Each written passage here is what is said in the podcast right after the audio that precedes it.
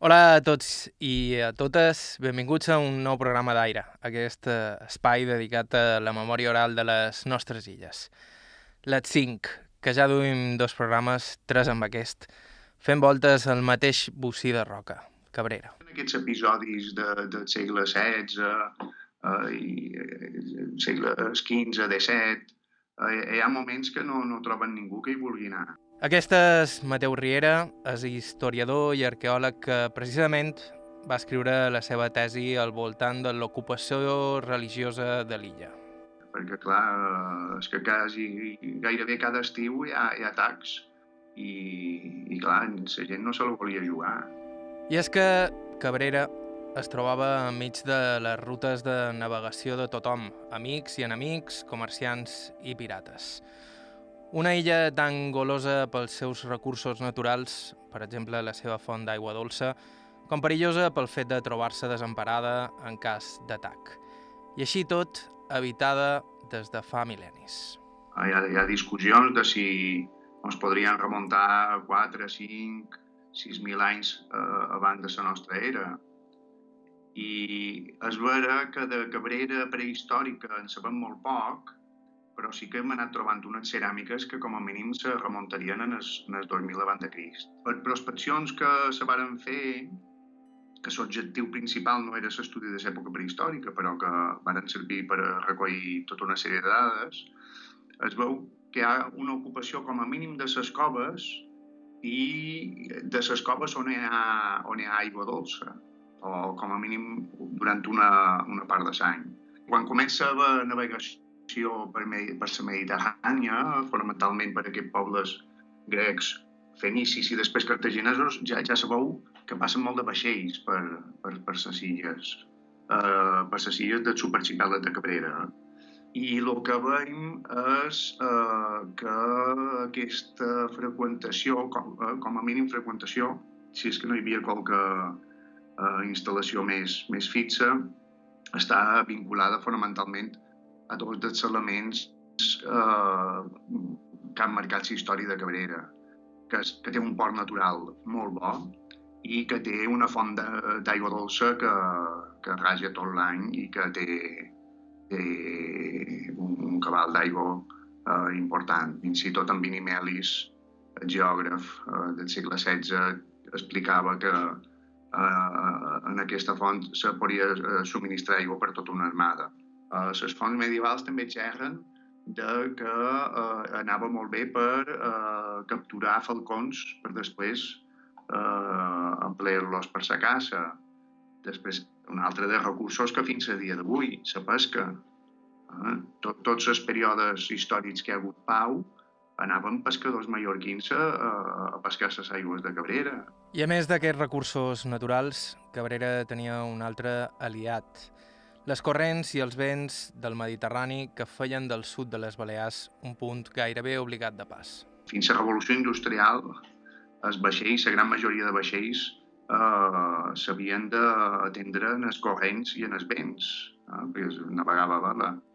I, I amb aquests vents i corrents resulta que moltes de les rutes principals de navegació que creuen el Mediterrani passen pel sud de les Balears i clar, eh, el fet de tenir una illa allà eh, al mig, amb aquest port natural tan bo i amb aigua, feia que molt d'aquests vaixells eh, s'hi aturassin o per descansar o per si havien tingut una avaria durant el trajecte eh, per la reparar allà, o si veien que s'acostava un temporal també a refugiar-se en esport i també pues, si estaven quedant sense aigua, etc. Tot i que aquestes mateixes corrents també podien dur-te visitants no desitjats com els pirates. A partir d'època medieval, eh, clar, sabem dels de, de, de perills dels atacs dels pirates eh, per tota la Mediterrània i a les Balears en concret, i clar, ja des del segle XIV sabem que eh, se construeix una torre més que de defensa de vigilància, eh, per poder avisar a Mallorca si veuen naus enemigues, i, i, des de llavors fins als nostres dies hi ha hagut, hi ha hagut uh, gent armada. També és vera que com que els atacs dels pirates eren tan, tan continuats, uh, hi ha moments que ningú volia anar uh, uh, estan en aquesta torre que després se convertirà en, en el castell. Aquesta torre i castell no eren per defensar la illa, eren per això, perquè ja s'havia produït que els estols de naus enemigues se refugiaven en esport i ja estaven la mar de, de tranquils i des d'allà eh, emprenien atacs contra la resta de les Illes Balears o, o, o contra la península. I, clar, era relativament allunyat de Mallorca, un lloc eh, molt protegit dels temporals i dels vents i, i amb aigua, eh, era ideal per establir una, un cap de pont per després seguir continuant els atacs. Com que cada dos per tres capturaven o mataven en els, en els que estaven allà, eh, ningú hi volia anar.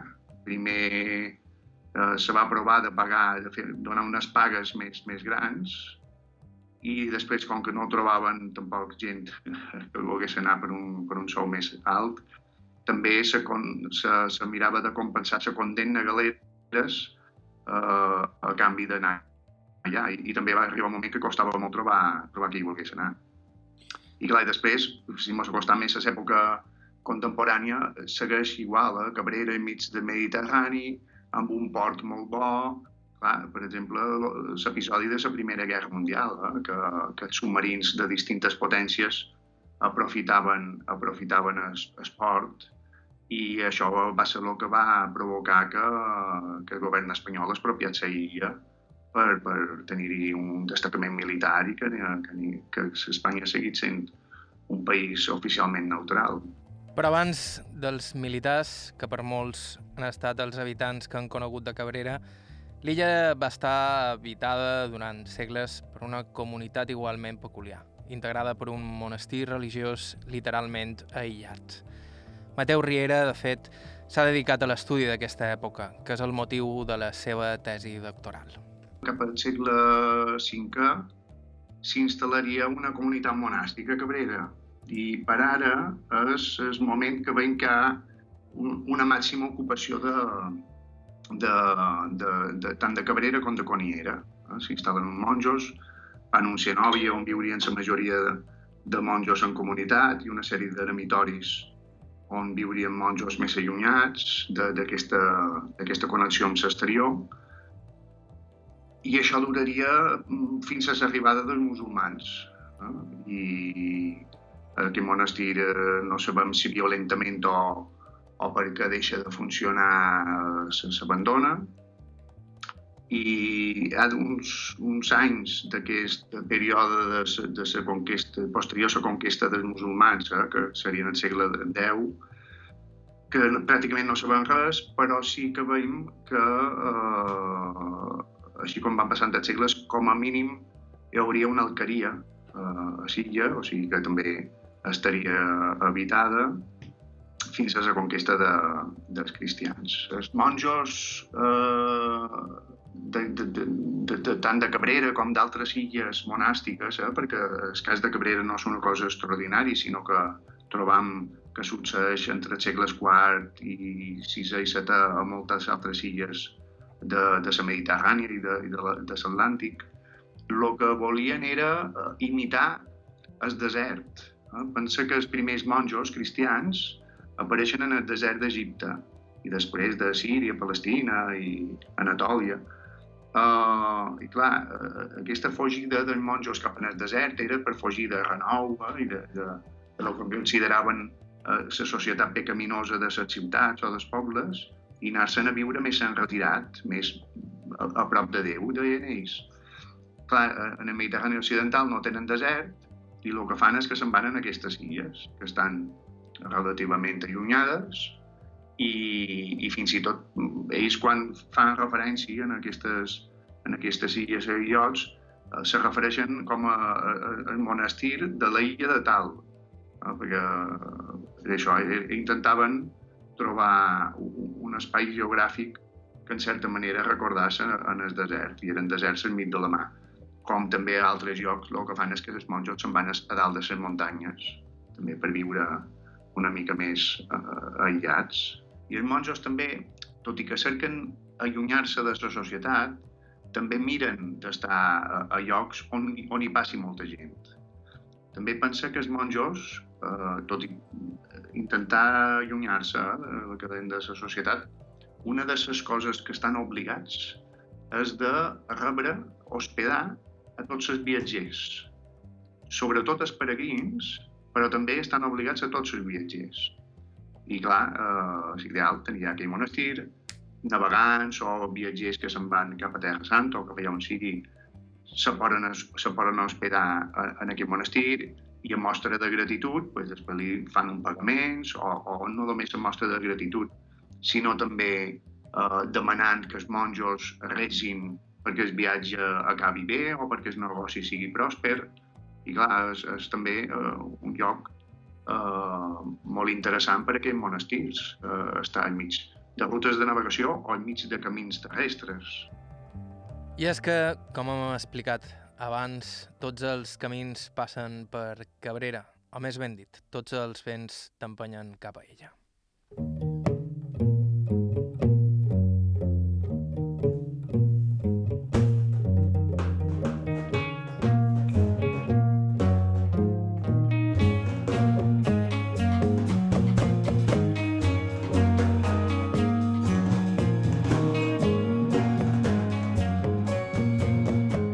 Especialment si mires Cabrera des de la colònia de Sant Jordi. Jo, com que ja tenc tant d'anys, he viscut molt això de la colònia. Aquest és Miquel Vidal, ell deu ser dels pocs que queden nascuts a la colònia abans dels anys 40. Jo vaig néixer el dia 12 de maig del 30 i, i, res, i el nom Miquel Vidal Roig. Malgrat estar a terra ferma, la història de la colònia és indeslligable de la història de Cabrera, com si fossin el reflex en un mirall una de l'altra. Estan separades per 13 quilòmetres i mig d'aigua, però en molts sentits són com una mateixa cosa. De fet, la colònia de Sant Jordi és ben bé una illa en ella mateixa. La gent aquí era molt pobra, la colònia. La colònia era un puesto de... Hi havia vuit pagesos, o nou, i tots els altres eren mariners. I ja vos dic que hi havia molta misèria en aquest temps. La de Miquel Vidal i la de la colònia de Sant Jordi és una història excepcional, la d'un bocí de terra apartat de tot, pobre i gairebé deshabitat, que va conèixer un desenvolupament urbanístic i humà increïble a partir dels anys 60 i 70. A Miquel recorda, de fet, haver pasturat cabres per uns terrenys que ara són, en la seva majoria, apartaments. Tot era camp, tot era camp, tot això era camp. Jo això havia sembrat, estant, quan era jove, que estava llogat a l'estany, per aquí se feien faves i ordi, i blat i de tot. Tot això era camp. Aquest cementer, per cert, li deien en campos i, i era molt bo, era molt bo de terra. Però per davant el cortell, cap a cases monges, voltant la vorera de mar, fins al esport. Tot això eh, era terreno que hi podies anar a pasturar d'animals, perquè no hi havia més que el carrer major i dues altres casetes allà a Sant Front, no hi havia altre carrer. La colònia era un poble molt, molt pobre perquè va començar a créixer quan va venir el turisme, l'any 60 i, i tot això. Però antemano era un dels pobles més, més magres de Mallorca.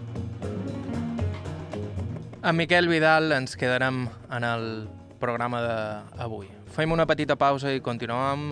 Estau escoltant Aire i Vetres Ràdio.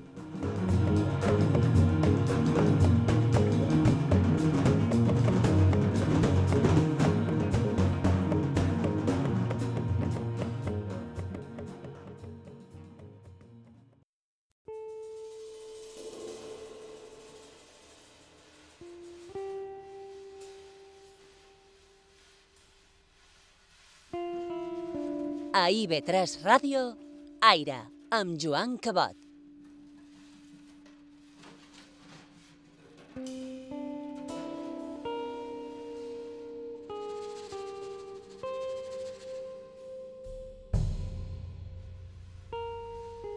Hola de nou, estàu escoltant Aire a IB3 Ràdio, avui amb el darrer programa de 3 que dedicam a Cabrera.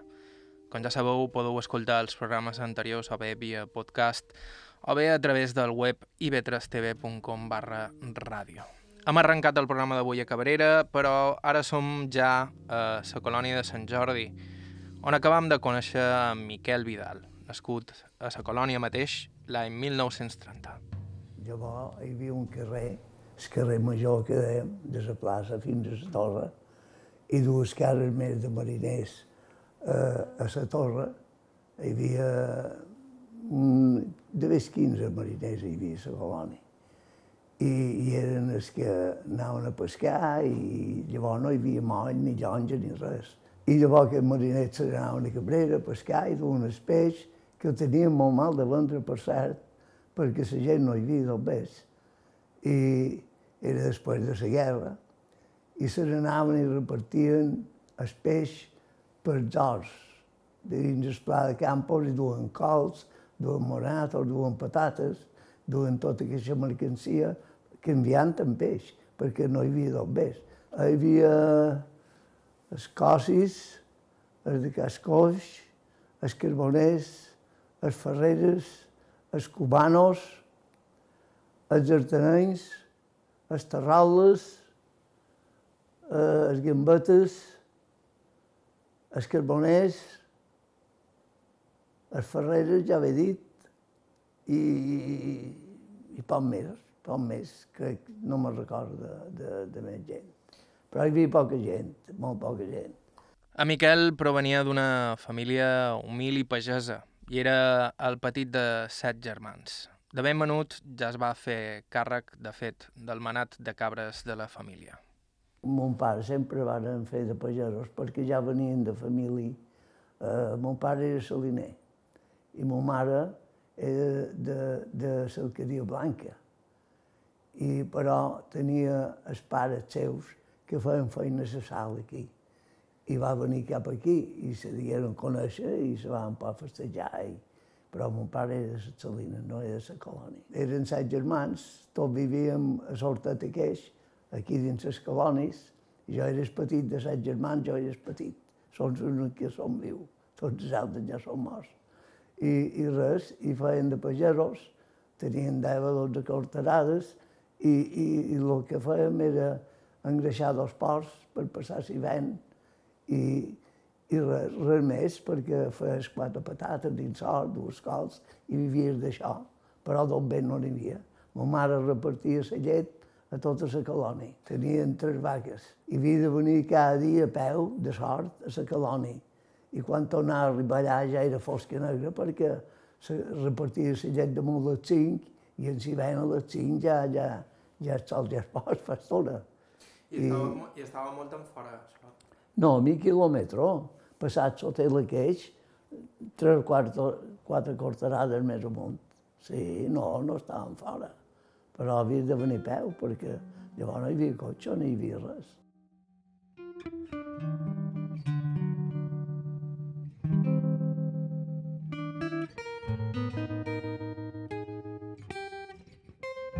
Tenia un cunyat mestre i, i jo guardava 10 cabres quan tenia 9 anys o 10.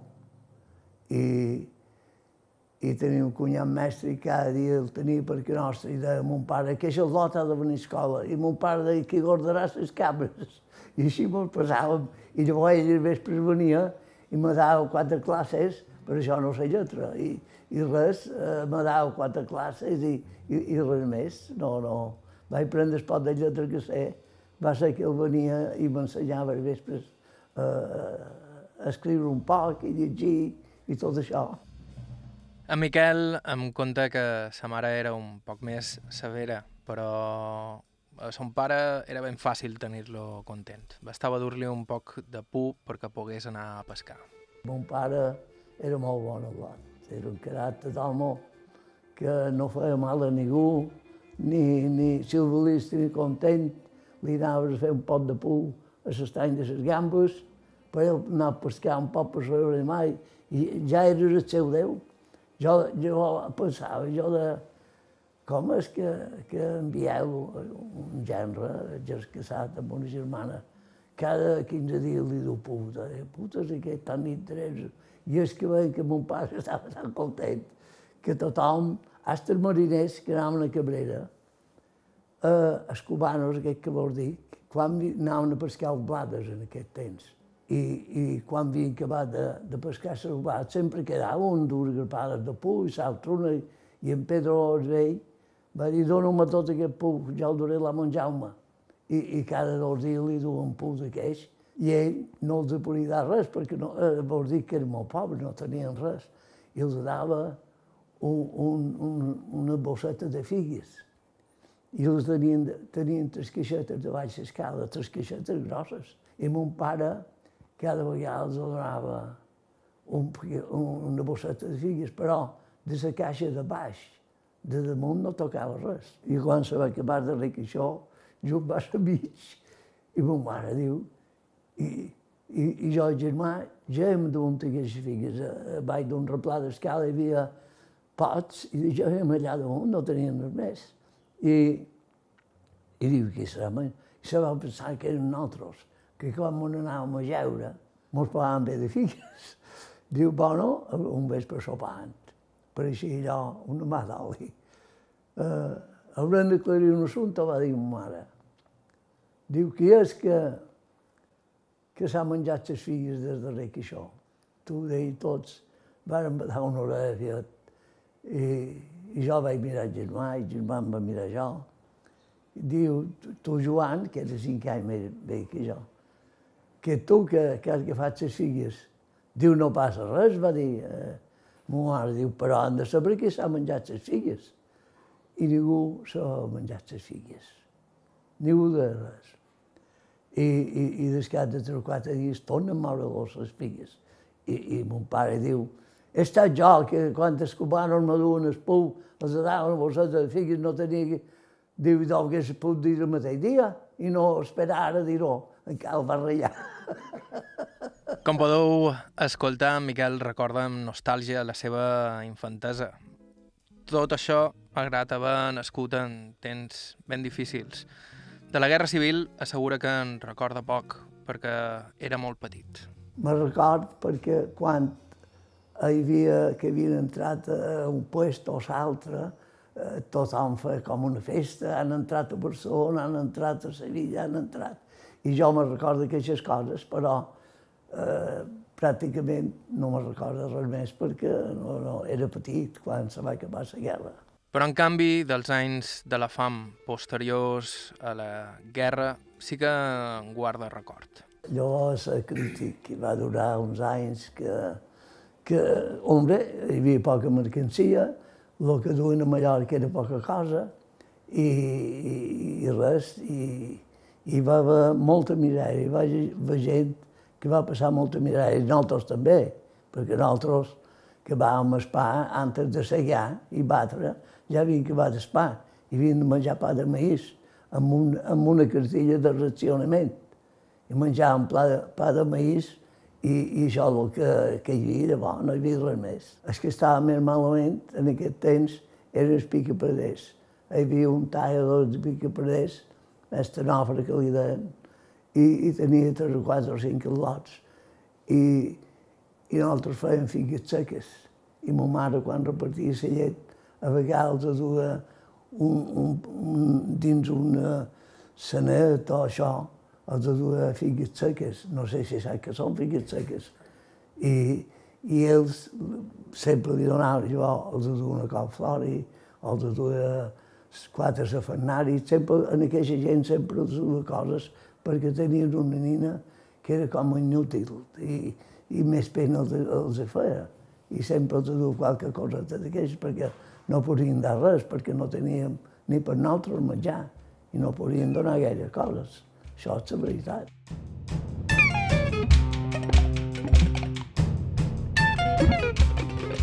Així les coses, Miquel Vidal va cercar feina a l'única indústria que tenia la colònia de Sant Jordi, a part de la pesca, la sal. En els 14 anys vaig anar a fer feina a la salinera queixa de Llevant, d'aquí, de, de, d'Espalmer. Molt dia sal, la traginava de les garberes jo era escavallista d'un cavall, un mul era, i, i, i m'anava en la vigoneta a les garberes, allà hi havia dos homes que cavaven i m'omplien la vagoneta i cap allà, i, i així fèiem el jornal. Cinc, cinc persones érem. Cinc persones i majoral. Primer eh, venien carros, llavors a lo darrer ja venien camions a la sal. Hi havia un que li deien Corraler de Falanich, que tenia un magatzem de sal de Falanich, i aquest va ser el primer camió que, que va venir a cercar sal, quan jo estava. I, i s'endua molta sal, i jo venia un altre lleu major i, i un d'Inca. Aquests camions s'enduen quasi tota la sal que, que feien aquí. I llavors, els pobles de per aquí, s'excedien la colònia campos, a vegades, quan vinien a matar el porc, que havien de mastar un sac o dos de sal, venint aquí a cercar la sal, perquè per anar a comprar la botiga no en tenien gaire, tenien quilos, i quilos no retia per arreglar un porc. I venien el cavallet o la burreta a cercar un sac o dos de sal. La salinera era propietat com mig poble del marquès del Palmer, que es va fixar amb Miquel Vidal i en què era un bon treballador. Aquí just hi havia, tenien un guarda d'oest, jo vaig a aquesta bequeria, que va ser quan el marquès me va venir a cercar, allò. Jo no hi volia anar de cap manera, perquè no sé per què jo estava molt bé aquí on estava. I el marquès m'ha dit, fa el que vulguis, o vens a l'estany o no faràs feina a la sal. Va tu deia, jo em vaig anar a casa nostra, més mostí que el dimoni. Me va amenaçar, me va amenaçar en tota bona paraula, perquè ell sabia que jo era molt treballador i, i el sogre li deia dir si hem de cercar qualcú ha de ser queix. El sogre no era el sogre, era l'amo, llavors. I jo vaig a Canossa i dic, bueno, i el mercat m'ha dit això avui. O vaig a fer de, de... perquè van fer un ordre, vol que hi, van por deu vaques, i... o vaig a fer d'hortolà, o, o, o me traurà de la sal, diu que no hi faré més feina. I, i que nostres se manda un diu, perquè, hombre, jo allà m'agradava molt, i guanyava poc, no sé si guanyava 8 pessetes o 10, no sé. I me servia greument, però quan el mercat em va dir això, dic no, jo no queda més remei que, que anar-hi, i vaig anar. Don Jordi allà, Marquès del Palmer, i vaig anar a fer feina de què. No em va quedar més remei. Així mateix, el marquès va tenir una deferència amb ell, donar-li 100 pessetes més de les que pagava a la resta de missatges de la possessió. I el marquès va dir va dir, li heu de donar un paper de... De què era el paper? De 100 pessetes. Ah, 100 pessetes cada mes de la meva butxaca. Claro, i en aquest temps els missatges guanyaven 40 duros i mantenguts. I jo, com me vaig dar, me va dar 100 pessetes més, vaig dir, tu d'ell. I, I el sogre, quan me pagava, em pagava els 40 duros, 100 pessetes més. I jo els agordava i ja tenia 400 pessetes. I un dia, la Madonna, que era la Madonna, va venir a repartir formatge, formatge no, brossat i el que repartien per la colònia, i llet mostissa i tot això. Sí, i va trobar ma mare al mig de la plaça. Què tal el lot? El que passa, els pares sempre, què tal el lot, com se pot, diu, molt bé, és un bon treballador i tal, i qual. I, Diu, però pot fer molta feina. Diu, perquè el mercat li dona 100 pessetes cada mes. Me cago en d'ell. Menys mal que els vaig guardades. I el vespre ma mare diu, i, i que, que te donen a l'estany, dic 40 duros, jo tot una traiava 40 duros. Dic res més, jo ja vaig veure que... Dic que el mercat me fa un regalo, diu, i on és aquest regalo? Jo dic, Diu, i jo, jo feia quatre mesos que hi anava. Dic, el tenc guardat, diu, mam, jo, treu. I jo vaig anar els quarts i el de tenir davall al llit. Vaig treure les 400 pessetes, diu, au, vinga les que els mastar per no tot menjar. I els hi vaig badar. Més normal que els vaig tenir, perquè si no els hagués tingut, crec que hauria, hauria que val bé la cosa. En Miquel es casaria amb la filla de l'amo de Sestany, finca de la qual ell acabaria fent-se càrrec. De nou, per la confiança que en ell tenia el marquès. Llavors me vaig casar amb la torera queixa, que era la filla de l'amo, Ah, era la filla de l'amo. Sí. Vareu saber triar. I em vaig casar amb ella i vaig quedar jo a l'estany. Llavors, el sol que se'n va anar a Casconcos, perquè el descendit de Casconcos, i jo vaig quedar a l'estany. El marquès me'n record que em va dar el contracte dir que em vaig casar, perquè jo quedava llavors aquí i, i, i vaig estar... Quan vaig estar? 7 o 8 o 10. Fins que vaig tenir 27 anys, 28, 30, i vaig estar 10 anys aquí a l'estany. I vareu estar d'amo? D'amo, d'amo, sí. Llavors se va establir tot. Llavors, eh, uns ja van comprar això d'aquí, els altres van comprar la part d'Espol d'Embardera, que se deia Espol d'Embardera, i, i, i res, se va establir tot i ja llavors ja no me quedava res.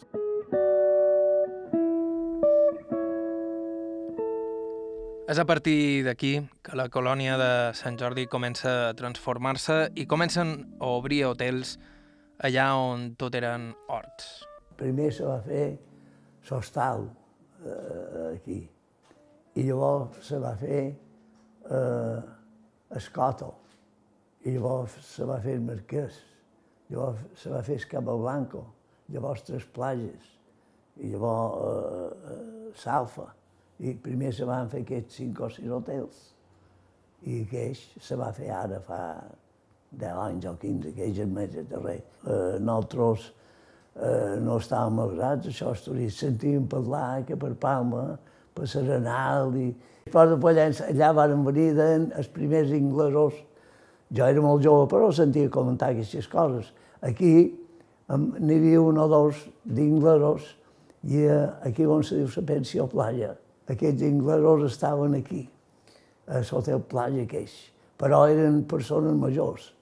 Persones majors eh, van estar per aquí, però aquí el turisme no va començar fins a aquest any, ja, ja, per tot Mallorca ja hi havia gent, o deien que hi havia gent, però aquí a la colònia encara no.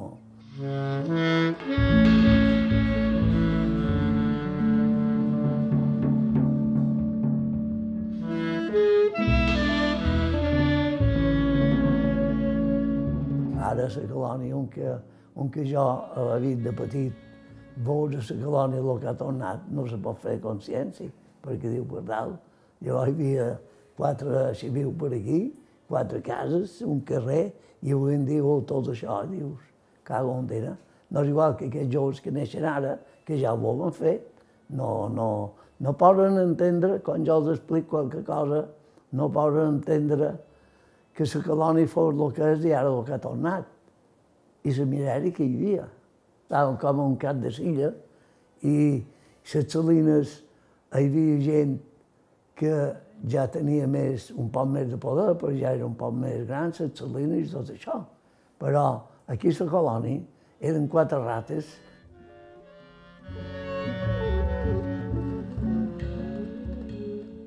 D'aquí uns segons, la història de la de Baribi, una de les primeres barques comercials en dur turistes entre la colònia i Cabrera. Fem una petita pausa i continuem.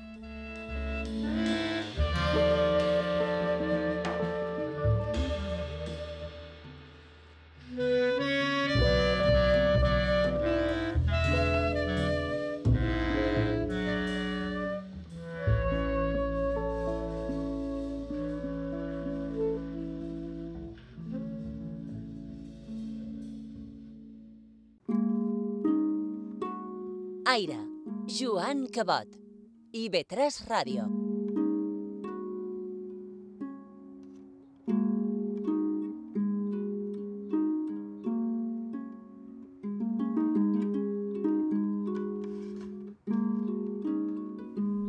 Hola de nou, estàu escoltant Aire a IB3 Ràdio. Us parla Joan Cabot. Avui som a la colònia de Sant Jordi, rematant aquesta trilogia de programes dedicats a Cabrera i als seus voltants. De fet, avui estan mirant l'illa des de la costa de Mallorca, des del port, des d'on parteixen la majoria de les excursions que van a la més petita de les Illes Balears. Fins ara hem sentit Miquel Vidal, nascut a la colònia l'any 1930, és a dir, 88 anys, parlant de com de petit i pobre era tot allò I ens hem quedat a les portes dels anys en què començà a arribar el turisme. És aquí quan es creuen la història de l'illa de Cabrera i la història personal de Miquel Vidal. La Miquel, malgrat els seus orígens, era ja de jove el que avui en dia definiríem com un emprenedor. I a poc a poc va fer la transició de la pagesia i les bequeries a obrir una tenda i posteriorment altres negocis, tots a l'ombra dels doblers que duia el turisme. Jo tinc una casa aquí en el carrer de la mà i la plaça. I, I jo un dia, quan vaig veure que tot se venia i tot això, dic, no, haurem de veure si cercam una altra mà del riure. I jo he dit, posar en una botigueta. I, i van posar una botiga. I, claro, i, i en la botigueta van anar fent i, i matàvem un parell de xots i, i, i carnisseria i tot, i, i mos va començar a anar bé. I, i res, i, i, i així va ser, així va començar el comerç. I llavors, amb uns amics meus, van comprar no això d'aquí, el que és el supermercat de quan de ballant l'escala cap allà. Van comprar aquest solar per posar un magasin de fruita. I, clar, i és que mos servia fruita, llavors aquí va dir, va ser ell que va posar, diu, tu no ets amic d'un que li deien Antoni Balaguer, que és el director general de Betancourt. Dic, sí, som molt amics. Diu, i doncs hem de tenir una reunió. I van tenir una reunió i van parlar de, de, de posar un magatzem de, de fruita i aquest servia eh, de, de la Ràpita, la Colònia, Campos, les Salines, Santanyí, que la Figuera fins a cada do. No és que robassen res en Betancourt. El que nosaltres no servíem, que duia 30 tonelades de pomes, 32. Que duia 100 violes de plàtan, 110. Mos, mos, mos alimentaven del, de, de, de transport de Betancourt. Però nosaltres no li, no li robàvem res. Nosaltres pagàvem els foliders. Si, si nosaltres haguéssim hagut de dur una tonelada de pomes, no la podien dur perquè els fletes eren més grossos que el que guanyaves. Però 500 eh, quilos, 200 quilos, això mesclat en el pedido d'en de, Betancourt. M'ho anava bé, i les tomates igual, tot igual. I mos va anar bé. Eh? Jo els vaig dir, dic, van començar el mes de juny. Dic, si en què va la temporada, mos repartim 100.000 pessetes, dic, jo vos pagaré un sopar en, en, en el Port Blau ara el Marisol, llavors el Marisol. I van dir, fet està, van dir el dos. I no van arribar, però van arribar a les 297.000. Van faltar tres pessetes. Les memòries de Miquel Vidal són les del progrés d'aquella Mallorca vessant d'optimisme i de possibilitats de negoci. D'aquí que quan un amic seu li va proposar armar una barca per fer viatges entre la colònia i Cabrera, en Miquel s'hi avingués.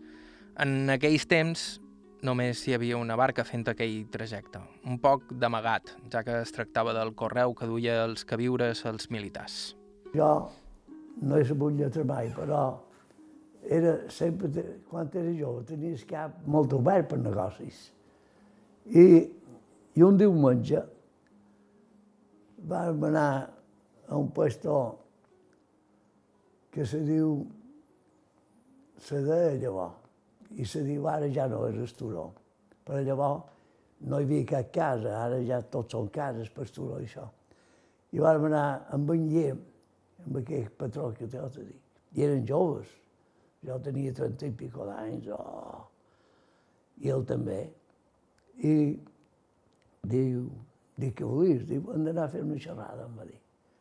I jo vaig dir, dic, i per què hem d'anar per allà? Diu, perquè m'estim més que no mos veien, coses de tonteries, de nens. I mos anàvem a Esturó i m'ha dit, diu, hem de veure si trobam una barca per fer viatges a Cabrera. I jo vaig dir, jo, com que ignorava això de la mà de Cabrera i tot això, diu això que fan rava, que era aquest del Llombàs, que és Lepanto, uh, diu, no ho pot fer, no té permís I jo vaig dir, si no té permís, nosaltres tampoc entendrem. Res, i llavors, la setmana, aquest, aquesta setmana ja van, dos o tres vespres ja van xerrar plegats. I, I la qüestió que ell me diu, diu, un dia anava a fer una volta. I jo vaig dir, i, i me que anava a fer una volta. Diuen la moto, dic batuda d'ell, la meva moto, no sé si m'haurà durar.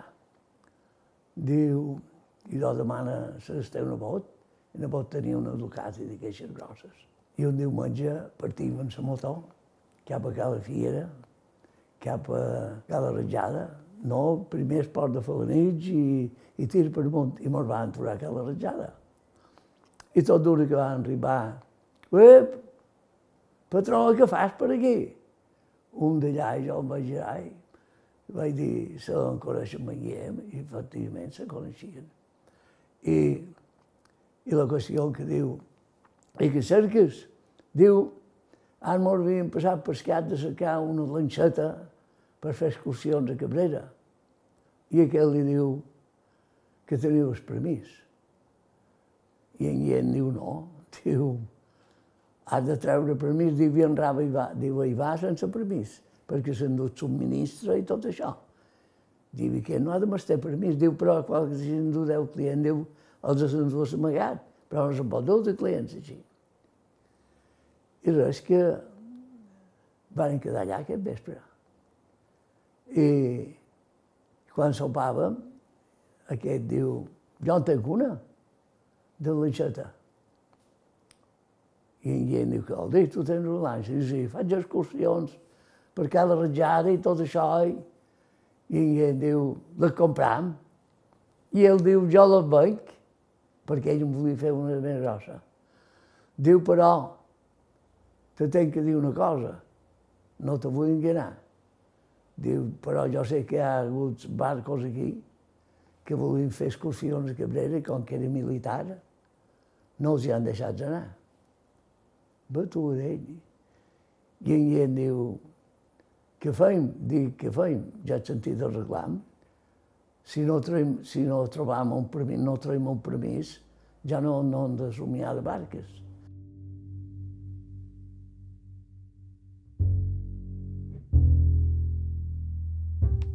És aquí quan apareix aquella cosa tan mallorquina del nepotisme.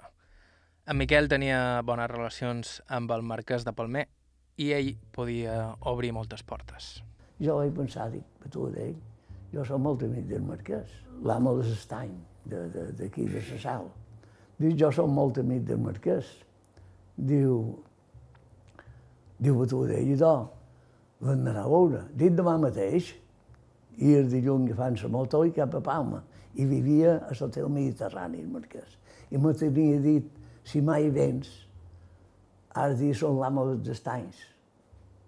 Jo me tenia dit això. I la qüestió en què mos presentàvem allà a l'hotel, fixa't tu, nosaltres pareixíem meus per allà per l'hotel. I no, no no, t'he dit la veritat. Estàvem com a tremolàvem. I bon dia tingui, bon dia tingui, surt a mi, surt ell, tot. Diu, diu, què volíeu, senyors? Què volíeu, senyors? Jo quan te'l sentia, a tu Déu, si vols coneguessis. I diu, venim per xerrar amb el senyor Marquès de part d'aquí, de Miquel de, de Miquel de Sestany. I, i que, que, li, que li, senyor Marquès, eh, aquí hi ha un, un senyor que demana per vostè, què és? I li va dir, Miquel Sestany, ai, que pugi, que pugi. I jo vaig dir, i en diu, no, no pujarem, estava en el quart o en el quin pis. Diu, aquí hi ha l'ascensor, va dir que el senyor. Jo vaig dir, obri tu, però jo no sabia com s'obria l'ascensor, ni sabia res. I la qüestió que vos obris l'ascensor, el número 5, la planta 5, l'habitació 32. Pujàvem allà i el van trobar en matí posat, i, perquè nosaltres sol no en tenien gens. Bon dia tingui, bon dia ha de nou, Miquel? No, no, res de nou. Eh, ara m'ho havíem passat pescat de comprar una barqueta per anar a Cabrera. Però ens han dit que el que havien de fer primer era treure el permís. Diu, això està fet. I en Guillem diu, no, no està tan feta. Li va explicar tot el que... Diu, vos dic que està fet. Comprau la barca. L'escena té un punt còmic. Aquells dos pigmeus, com diu ell, que mai havien vist un ascensor i aquell marquès divorciat i vengut a menys que volia aprofitar la situació per treure un poc de profit de l'incipient negoci turístic. Res, i van xerrar un rato i diu jo hi vull dur part amb aquesta barca, mos va dir.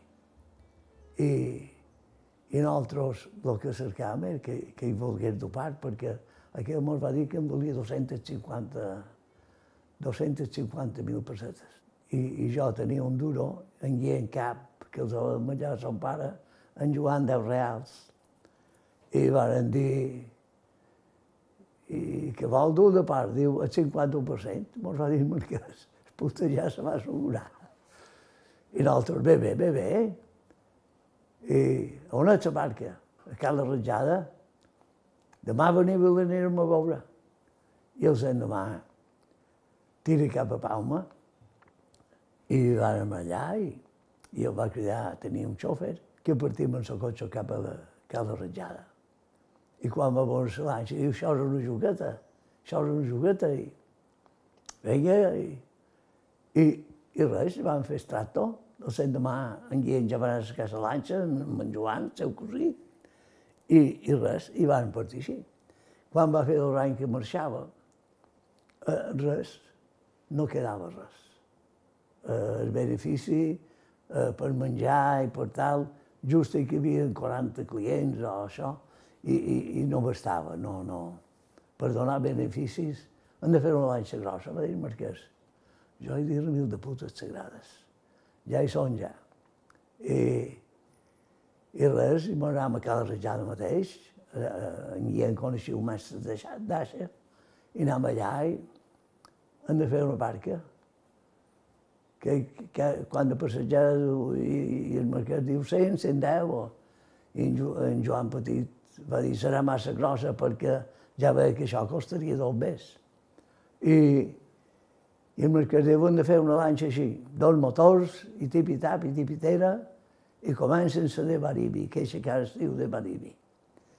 I, I la qüestió que amb un any va estar feta, l'any que va venir davant, posant-se l'anxa en marxa, queixa, i, i, i llavors anava bé, guanyàvem qualque cosa. Aquesta és la història de la de Baribi, la primera barca comercial en dur turistes legalment, això sí, a Cabrera. De fet, la de Baribi encara funciona, ara propietat d'una altra empresa. Ara seran posades moltes, però aquests 10 o 12 anys han fet els bombers que han guanyat. Com se deia la vostra barca? De Baribi. De Baribi. Tenien nom de tots, de, de bar, d'escallares. De, eh, Bausà, eh, el segon, el patró, Rigo, l'altre socio, jo Vidal, de Baribi. I, i res, i és una lanxa que és molt guapa, encara ara és guapa perquè l'han cuidada. I Però, encara funciona? Eh, sí, sí funciona, en tenen dues més. Dues més en tenen aquest ja i, i una de ràpida, perquè allò se van poques lances ràpides, que en 20 minuts anaven a Cabrera. Claro, podien dur poca gent, però feien un parell de viatges. I el tot d'una van comprar una lanxa d'aquestes ràpides. Sí, així va començar això la Cabrera. En tot cas, eren altres temps i també era una altra Cabrera. A Cabrera no és com ara. A Cabrera eh, jo cada mes, cada hi anava i pescava uns calamars i fèiem un dinar a Cabrera i tot això. I, i anava bastant jo a Cabrera. Quan anava a la lanxa, eh, jo anava a la lanxa amb ells i, i els ajudava a fer dinar i tot això i, i passava un dia per Cabrera. Però si vos penseu que aquí es va acabar la vida emprenedora del nostre protagonista d'avui, vos equivocau. Miquel Vidal té diversos comerços a la colònia de Sant Jordi, tots a partir d'aquell primer comerç que varen armar quan era més jove. A més, en Miquel va ser un dels socis fundadors de Los Pinos, la mítica sala de festes de la zona, una discoteca visitada per gent de tota la contrada, tot això alternat amb dos taxis, com han dit, tot un emprenedor.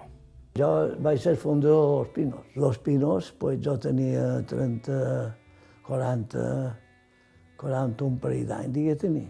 60 i pico d'anys tenia, 67 o 8 anys. Tenia quan vaig muntar Los Pinos, amb un altre soci meu. Un que feia de xofer en jo, jo tenia un taxi, m'anava al taxi, i un dia eh, va dir, diu, hem de fer una sala de festes. Jo vaig dir que diu una sala de festes. I vaig, vaig posar, varen posar un bar i restaurant. I ho varen fer la sala de festes aquestes. I doncs, això ho vaig fundar jo. Jo per fundar coses era, era molt bo. I també teniu un taxi. Dos en tenia. Dos. Sí. Si hagués sabut lletra, hauria fet dos bes, el que no vaig saber lletra. I un home que no pot escriure no farà cap cèntim mai fent feina. No. Jo encara, gràcies a Déu, m'ha anat bé, no, no me queix. Jo, de cap, era un lince.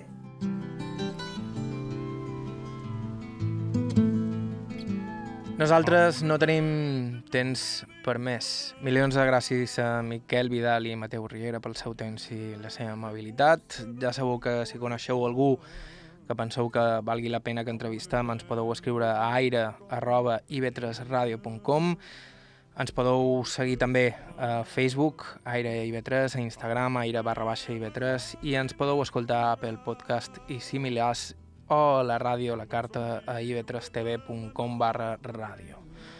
Vos recordant que alguns dels materials d'aquest programa formen part dels fons, dels arxius, del so i la imatge dels Consells de Menorca, Eivissa i Formentera i de l'Arxiu Oral de Mallorca de la Fundació Mallorca Literària, Consell de Mallorca.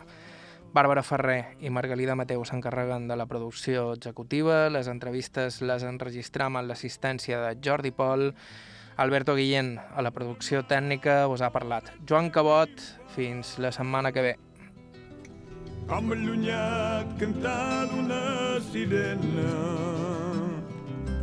com es volat tan suau d'una oronella no li fas un mal com una verge nua dins la mar com una estrella mussa d'un poeta com una tenra i dolça companyera. No li fas un mal, no li fas un mal, no li fas un mal, és cabrera. No li fas un mal, no li fas un mal, no li fas un mal, és cabrera.